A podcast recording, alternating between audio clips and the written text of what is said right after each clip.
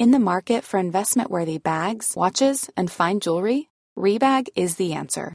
Rebag is a luxury resale platform where each piece is carefully inspected by experts to ensure quality and authenticity. Use Rebag to buy and sell finds from the world's top brands, including Louis Vuitton, Chanel, and Cartier. Head to Rebag.com to get 5% off your first purchase with code REBAGNEW. Shop today at Rebag.com. That's R E B A G.com. And use promo code REBAGNEW for 5% off your first purchase.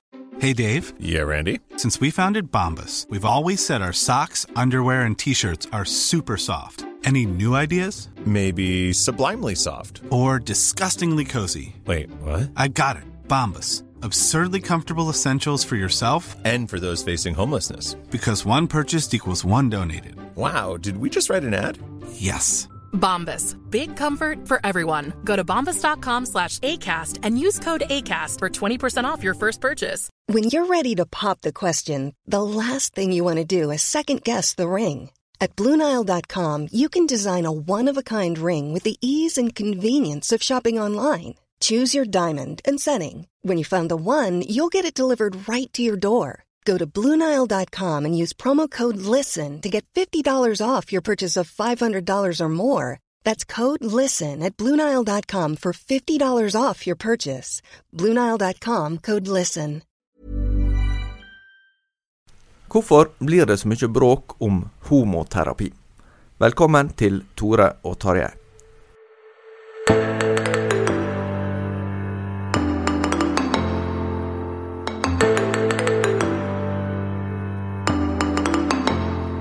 Tarjei Gilje og jeg, Tore Hjalmar Sævik, er på plass her for å egentlig gripe fatt i noe som noen kanskje overrasker over at vi ikke snakka om før, Tarjei, og det er et tema som har prega denne høsten ganske sterkt, særlig fra et dagens perspektiv. Det er helt klart. Neste uke skal Stortinget behandle flere forslag, der noen av de bl.a. handler om eh, konverteringsterapi, eller det som i høst er blitt mer vanlig å kalle for homoterapi.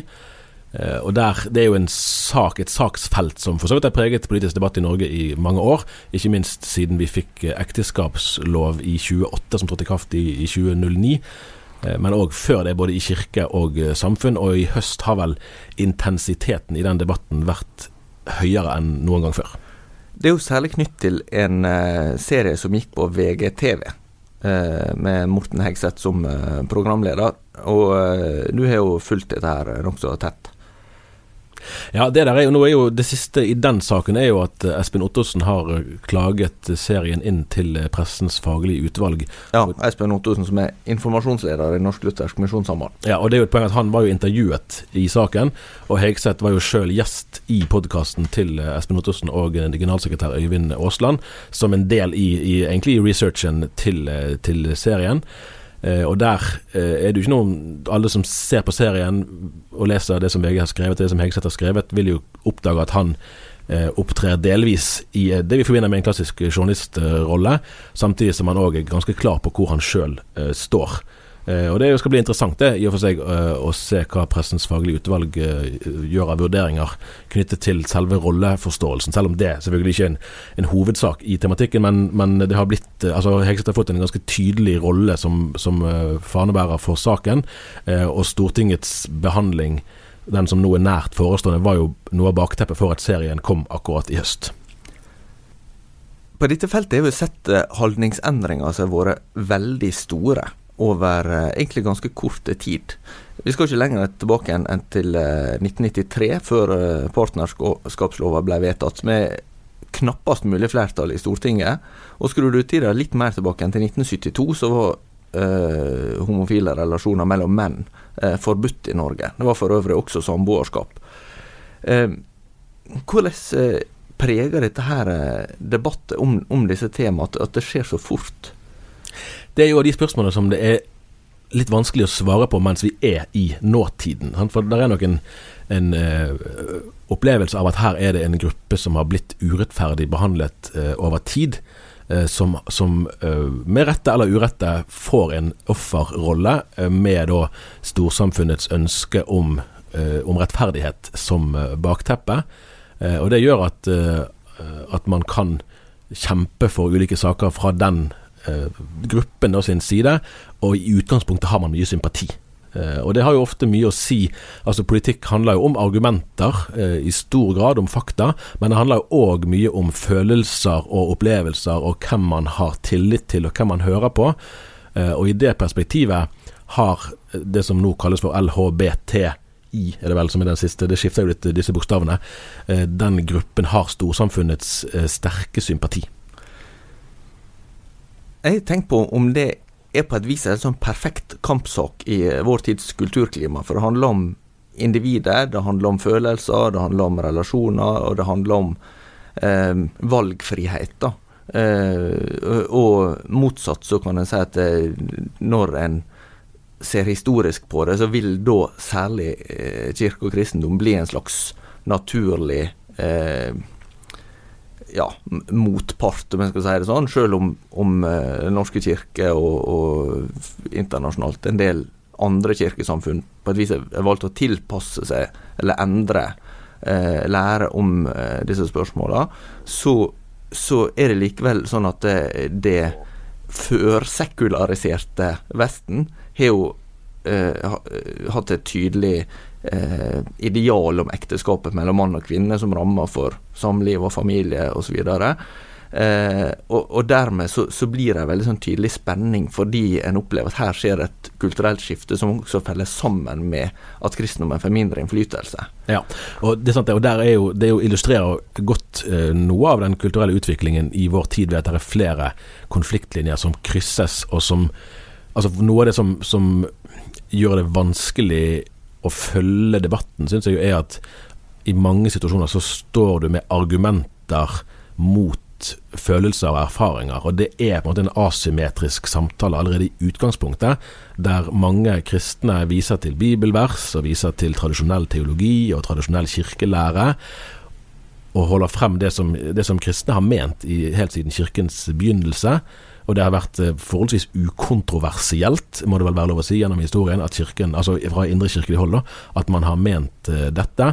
Mens nå i møte med en sekularisert virkelighet der Bibelen på ingen måte har den samme tyngden som den kunne ha for så seint som en generasjon siden, så blir de argumentene ganske lette å avfeie for et sirkulært menneske som, som, er opptatt av sine egne rettigheter, og som på ingen måte vil ha noen innskrenkninger i muligheten til seksuell utfoldelse fra religiøst hold. Jeg tenkte på det nå i sommer. Jeg leste en bok eh, som er skrevet av en amerikansk sosiolog, som kom ut eh, tidlig på eh, 1990-tallet, som heter 'Culture Wars'. Eh, og Den handler om eh, The Struggle to Define America, og, og det gikk på eh, de, alle de stridsspørsmåla som, som eh, er gått i amerikansk kultur, enten det gjelder på eh, ja, innenfor utdanningssystemet, innenfor lovverket, innenfor kultur, innenfor media. Der han mener grunnleggende det handler om en konflikt mellom de som tenker at det finnes en slags forpliktende åpenbaring, noe som er gitt oss utafra, og de som tenker at eh, mennesket må måtte eh, finne i sitt indre hva mm. som er rett mm. og godt, og, og hva som en skal kjempe for. Og Det, og det synes jeg er nokså gjenkjennelig dynamikk her. og Fins det en forpliktende norm? Fins det en lovgiver? Altså har Gud sagt noe om Altså finnes Gud, for det første, og har Gud i tilfelle sagt noe forpliktende om, om, det som gjelder også seksualitet og samliv, eller er det noe som, som er et spørsmål om, om valgfrihet og om, om individet sine, sine, rettigheter? Da? Jeg har tenkt i det siste på, på et uh, utsagn fra Jesus som vi virkelig ikke bare skal anvende eksklusivt på dette saksfeltet. For det som Jesus sier her, det utfordrer virkelig alle mennesker.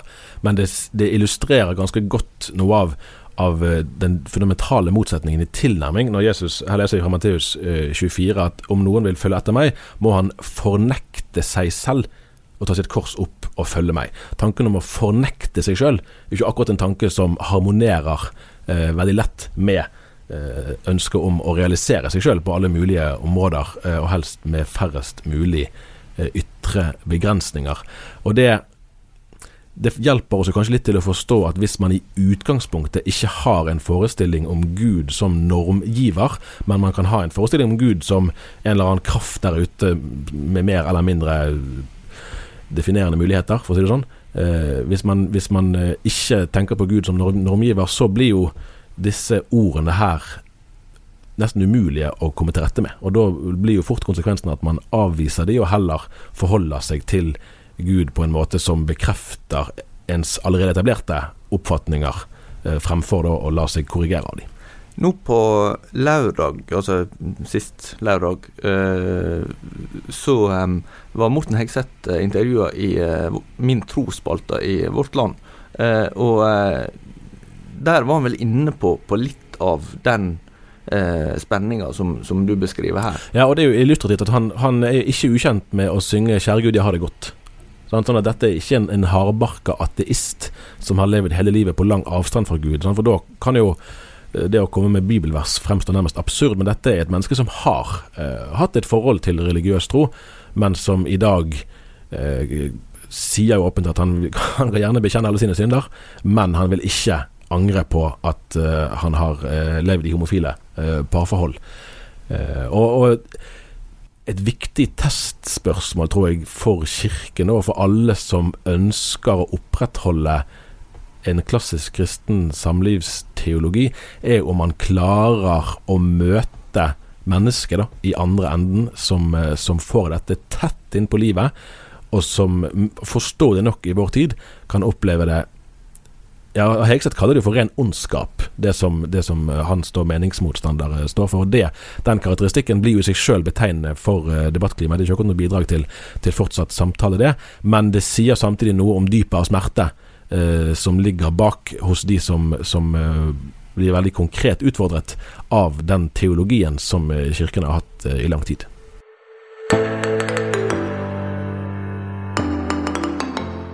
Hvis vi skal se på det litt, litt sånn større bilde her, da. Eh, så, er det jo noe med å, å uh, tenke på, på, hva skal en stat forby og ikke.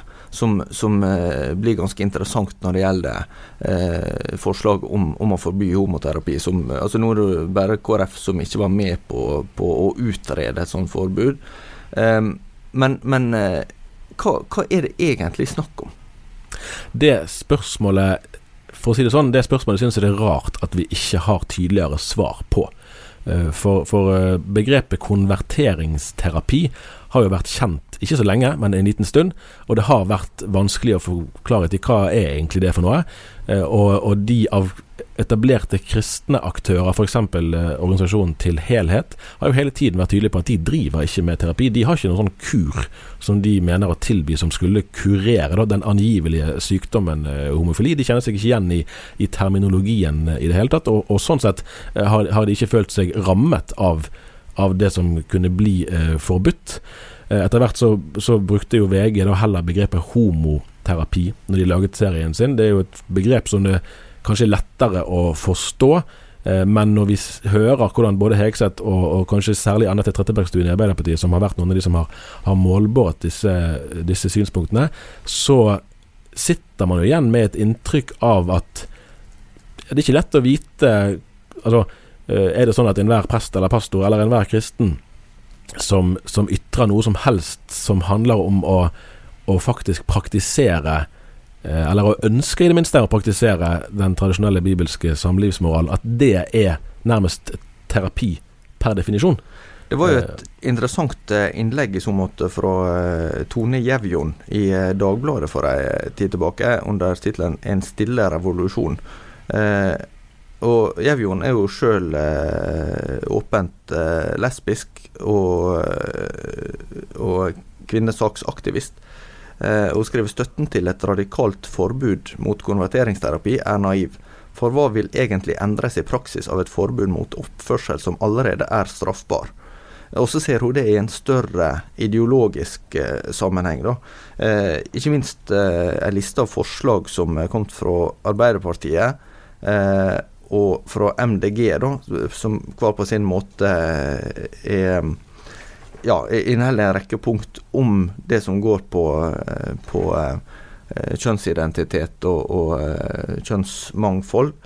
Eh, og hun mener at dette her har ganske mange sånne mulig utilsikta eh, konsekvenser, og skriver til slutt her forslagene slik jeg leser de framstår som en av de største truslene mot menneskerettigheter i Norges historie.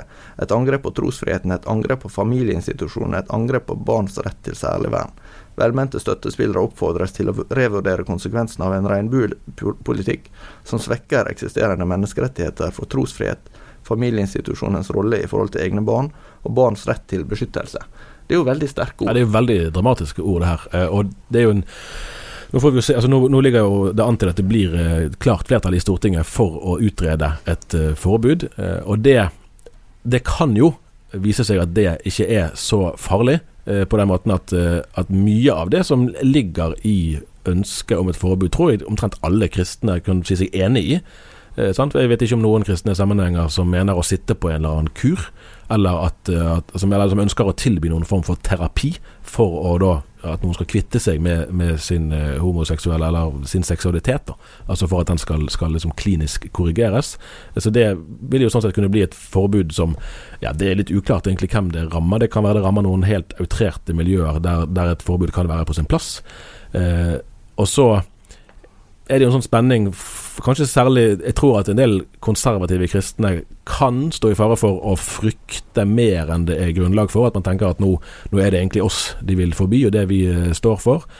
Eh, og der har jo både Trettebergstuen og Hegseth sagt at de, ønsker, de, ønsker ikke Altså folk må få lov å tro det de vil, men det er De har ikke bidratt til noe spesielt mye klarhet, syns jeg, når det gjelder å, å presisere hva det faktisk skal være rom for. For her er vi jo i det at at uh, det er ganske vanskelig å håndheve et lovforbud hvis det skal helt inn i sjelesorgens rom. Uh, og noe annet er jo at, uh, at, det vil være ganske mange åndelige ledere og mange kristne mennesker som ikke vil la seg styre av et forbud hvis det skulle komme helt dit. Sånn at det er på en måte en, en, et lovverk som det, det vil være begrenset virkning av det. Men, men altså, når en skal innføre et forbud eller et påbud. Altså, jeg tenker vel I et liberalt øh, eller fritt samfunn så vil de fleste ønske at øh, det skal være færrest mulig lov, påbud og forbud. For, for, en lov vil jo per mm. definisjon redusere eh, frihet. Altså det, så de må på et vis være nødvendige for å sikre et eller annet. og så er det sånn at bruke et eksempel. Da, altså Spania trenger ikke å innføre noe forbud mot isbjørnjakt. Eh, fordi det er ikke isbjørn i, i Spania.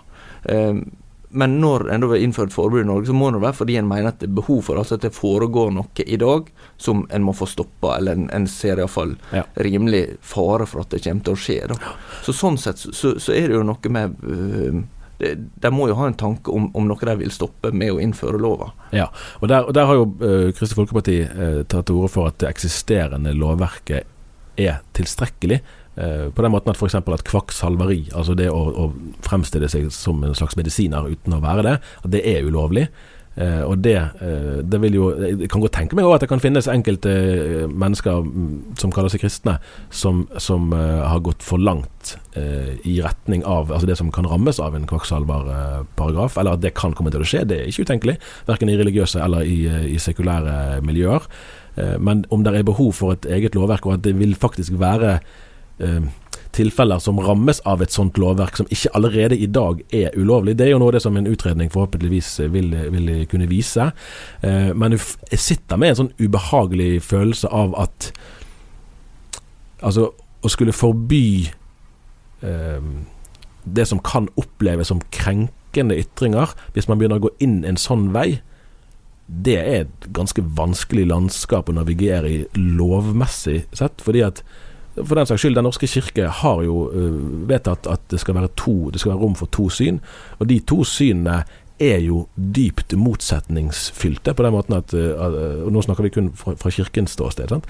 vi ser at mer og mer at, at menneskeverdsdimensjonen blir trukket inn fra de som som ønsker den nye læreren velkommen. Og det ligger jo i det en ganske dyptgående kritikk av det tradisjonelle synet. Så det er jo så sterke motsetninger som er der. Og hvis det da ikke skal være rom for å hevde det ene synet, så er det jo reelt sett ikke rom for to syn. Og tilsvarende i samfunnet. Hvis det ikke skal være lov å offentlig fremme den tenkningen om ekteskapet som har vært dominerende inntil for ti år siden, gjennom hele historien, så, så, er vi jo gått ganske langt i å forby meninger. Eh, og der kan man få en sånn følelse av at her, jf. det vi snakket om innledningsvis, at fordi sympatien i storsamfunnet er så tydelig hos denne bevegelsen, eh, så er jeg redd for at, at man vedtar noe som man ikke helt har tenkt igjennom virkningen av.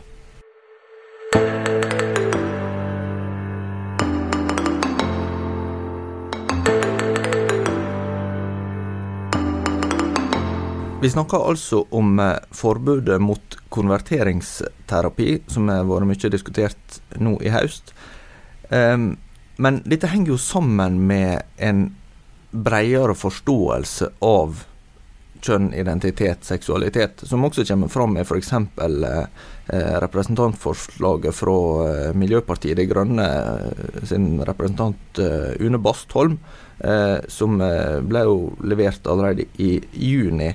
Um, og Der eh, står i punkt to da Stortinget ber regjeringen i arbeidet med å fornye alle læreplaner i grunnskolen og videregående opplæring om å inkludere kompetansemål om normkritikk, minoritetsstress, seksuell helse og kjønns- og relasjons- og seksualitetsmangfold der det er relevant, spesielt i faget KRLE. Eh, og jeg tenkte på det nå i forbindelse med at NRK Super hadde en reportasje på Supernytt fra Danmark om, eh, om eh, barn som skifta kjønn. Eh, helt ned i 13 års alder som fikk sprøyte for Altså en var født som biologisk jente, da, men opplevde seg som gutt og ønska dermed å å eh, bli gutt. Ikke bare i, i klær og sånn, men også at, å ta, ta, hormonbehandling. Og det er jo noe som er, som er irreversibelt da, når en først velger en sånn, eh, sånn, vei. Så er svenske SVT, altså det tilsvarende NRK i Sverige, hatt eh, gjort reportasje nå i det siste på, på, personer som angrer på eh, sånne valg som de har tatt tidligere.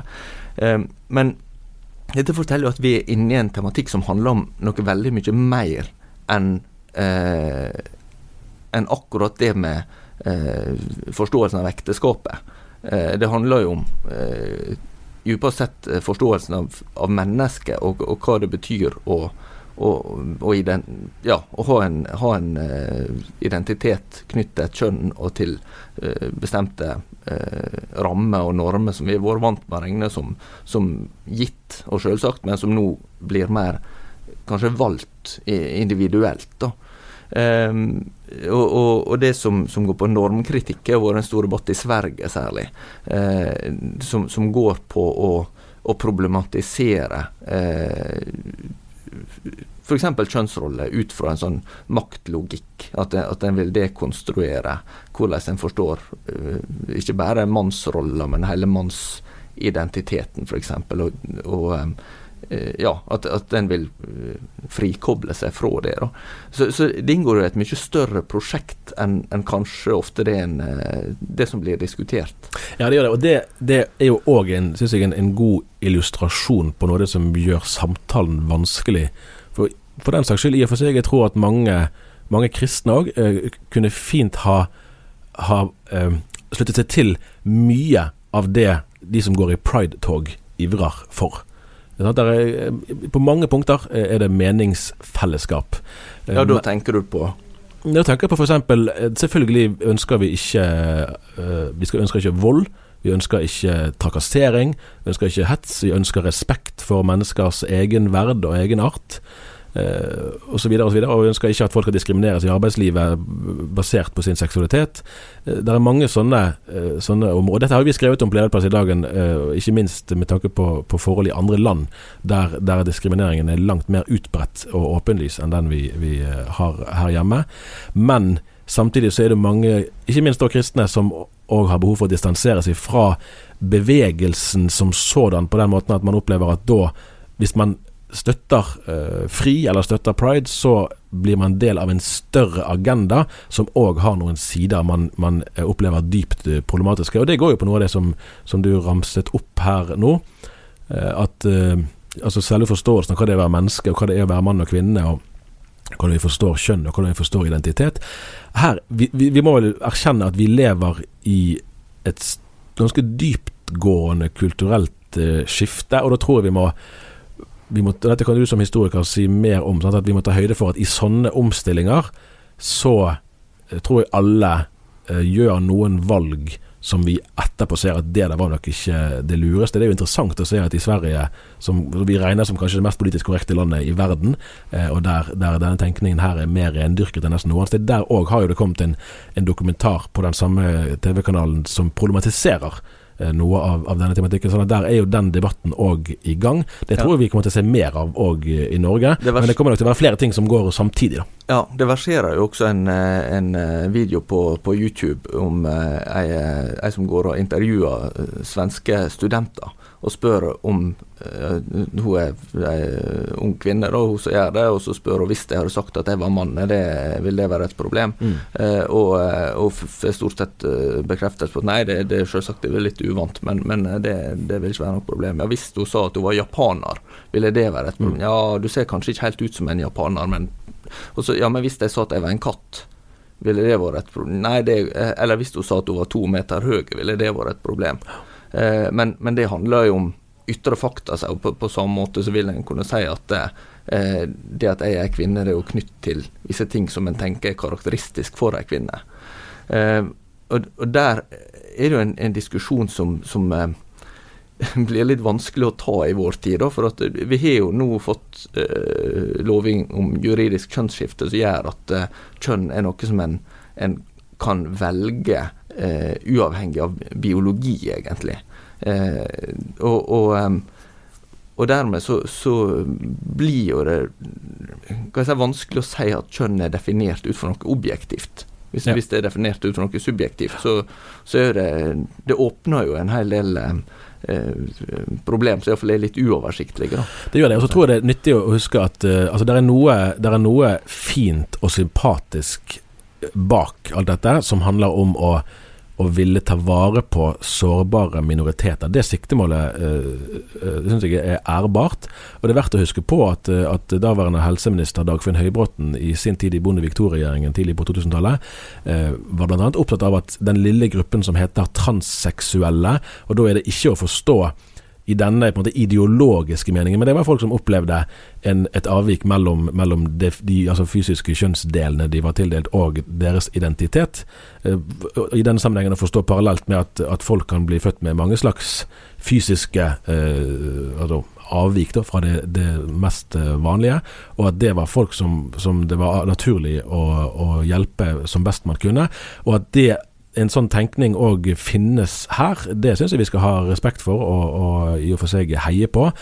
Eh, men så er det jo ganske mange konkrete utslag som, som eh, vil kunne få utilsiktede, og, utilsiktede konsekvenser, og konsekvenser som er, er, langt mer omfattende enn det vi eh, kan se i dag. Og, og, så skal vi ha med oss da at, at f.eks. For at forslaget om å innføre tredje kjønn ligger an til ikke å få flertall i Stortingets behandlingen neste uke. sånn at det er ikke sånn at, eh, at, de som eh, ønsker en viss endring i etablerte normer, ønsker at alt skal endre seg på en gang. Så jeg tror på den ene siden at, at fra kristen tradisjonelt hold at man må gjerne øve seg opp i å være frimodige med å stå fast ved det man mener er gudgitt, samtidig som vi ikke skal late som at alt bare er svart, eller at alt bare er hvitt, men faktisk våge å ta inn over oss at vi lever i en kompleks tid der vi vet en del ting vi ikke visste fra før, eh, og at det gjør at på noen måter må vi tenke og snakke litt annerledes enn det vi har vært vant med. Denne tematikken og det ser jo ikke minst internasjonalt. Eh, jeg følger en god del med det som skjer i USA og Storbritannia. og så Der er jo også disse spørsmålene veldig eh, mye framme. Og, og fra kristent synspunkt så er det jo ikke minst trosfrihetsdimensjonen som en, er opptatt av. Da en, en, opplever at her skjer det ting som gjør at det, det å ha ei tradisjonell kristen overbevisning blir sett som ikke bare noe eh, en er uenig i, eller noe som en mener er uheldig eller ja, skadelig, men også noe som kanskje burde bli forbudt.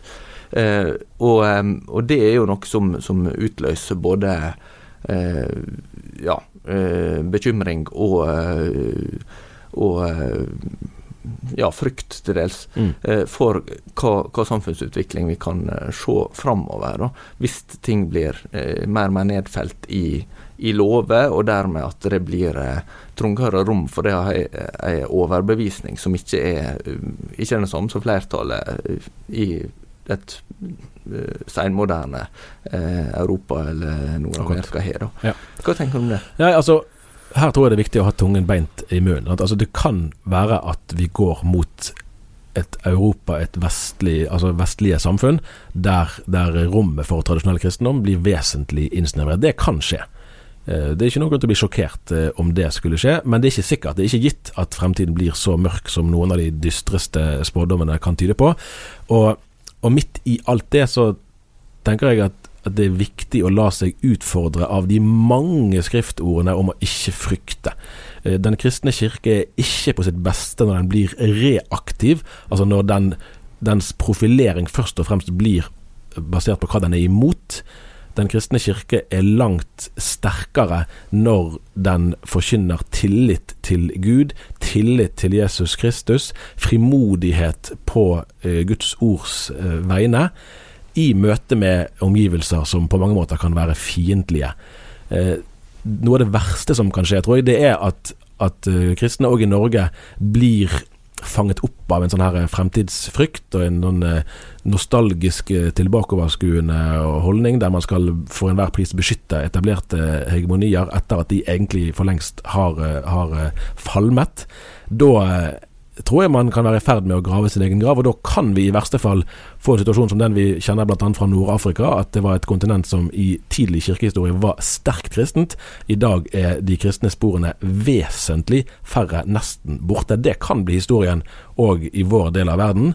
Eh, Og Der tror jeg kanskje en av de viktigste testene på det, er om, om vi klarer å bevare tilliten til Kristus, tilliten til Gud, tilliten til Guds ord, fremfor at vi blir drevet av frykt for det som kanskje skjer i morgen. Det var det vi rakk i dag. Gi oss gjerne en eh, respons på eh, e-post tore.krøllalfadagen.no eller tarjei.krøllalfadagen.no, eller eh, gjør det på Facebook. Vi har også ei Facebook-side der, så vi oppfordrer folk til å like. Og gi oss gjerne en, en tilbakemelding i iTunes. Det er nyttig for vår del og for å utvikle podkasten videre. Vi snakkes neste uke.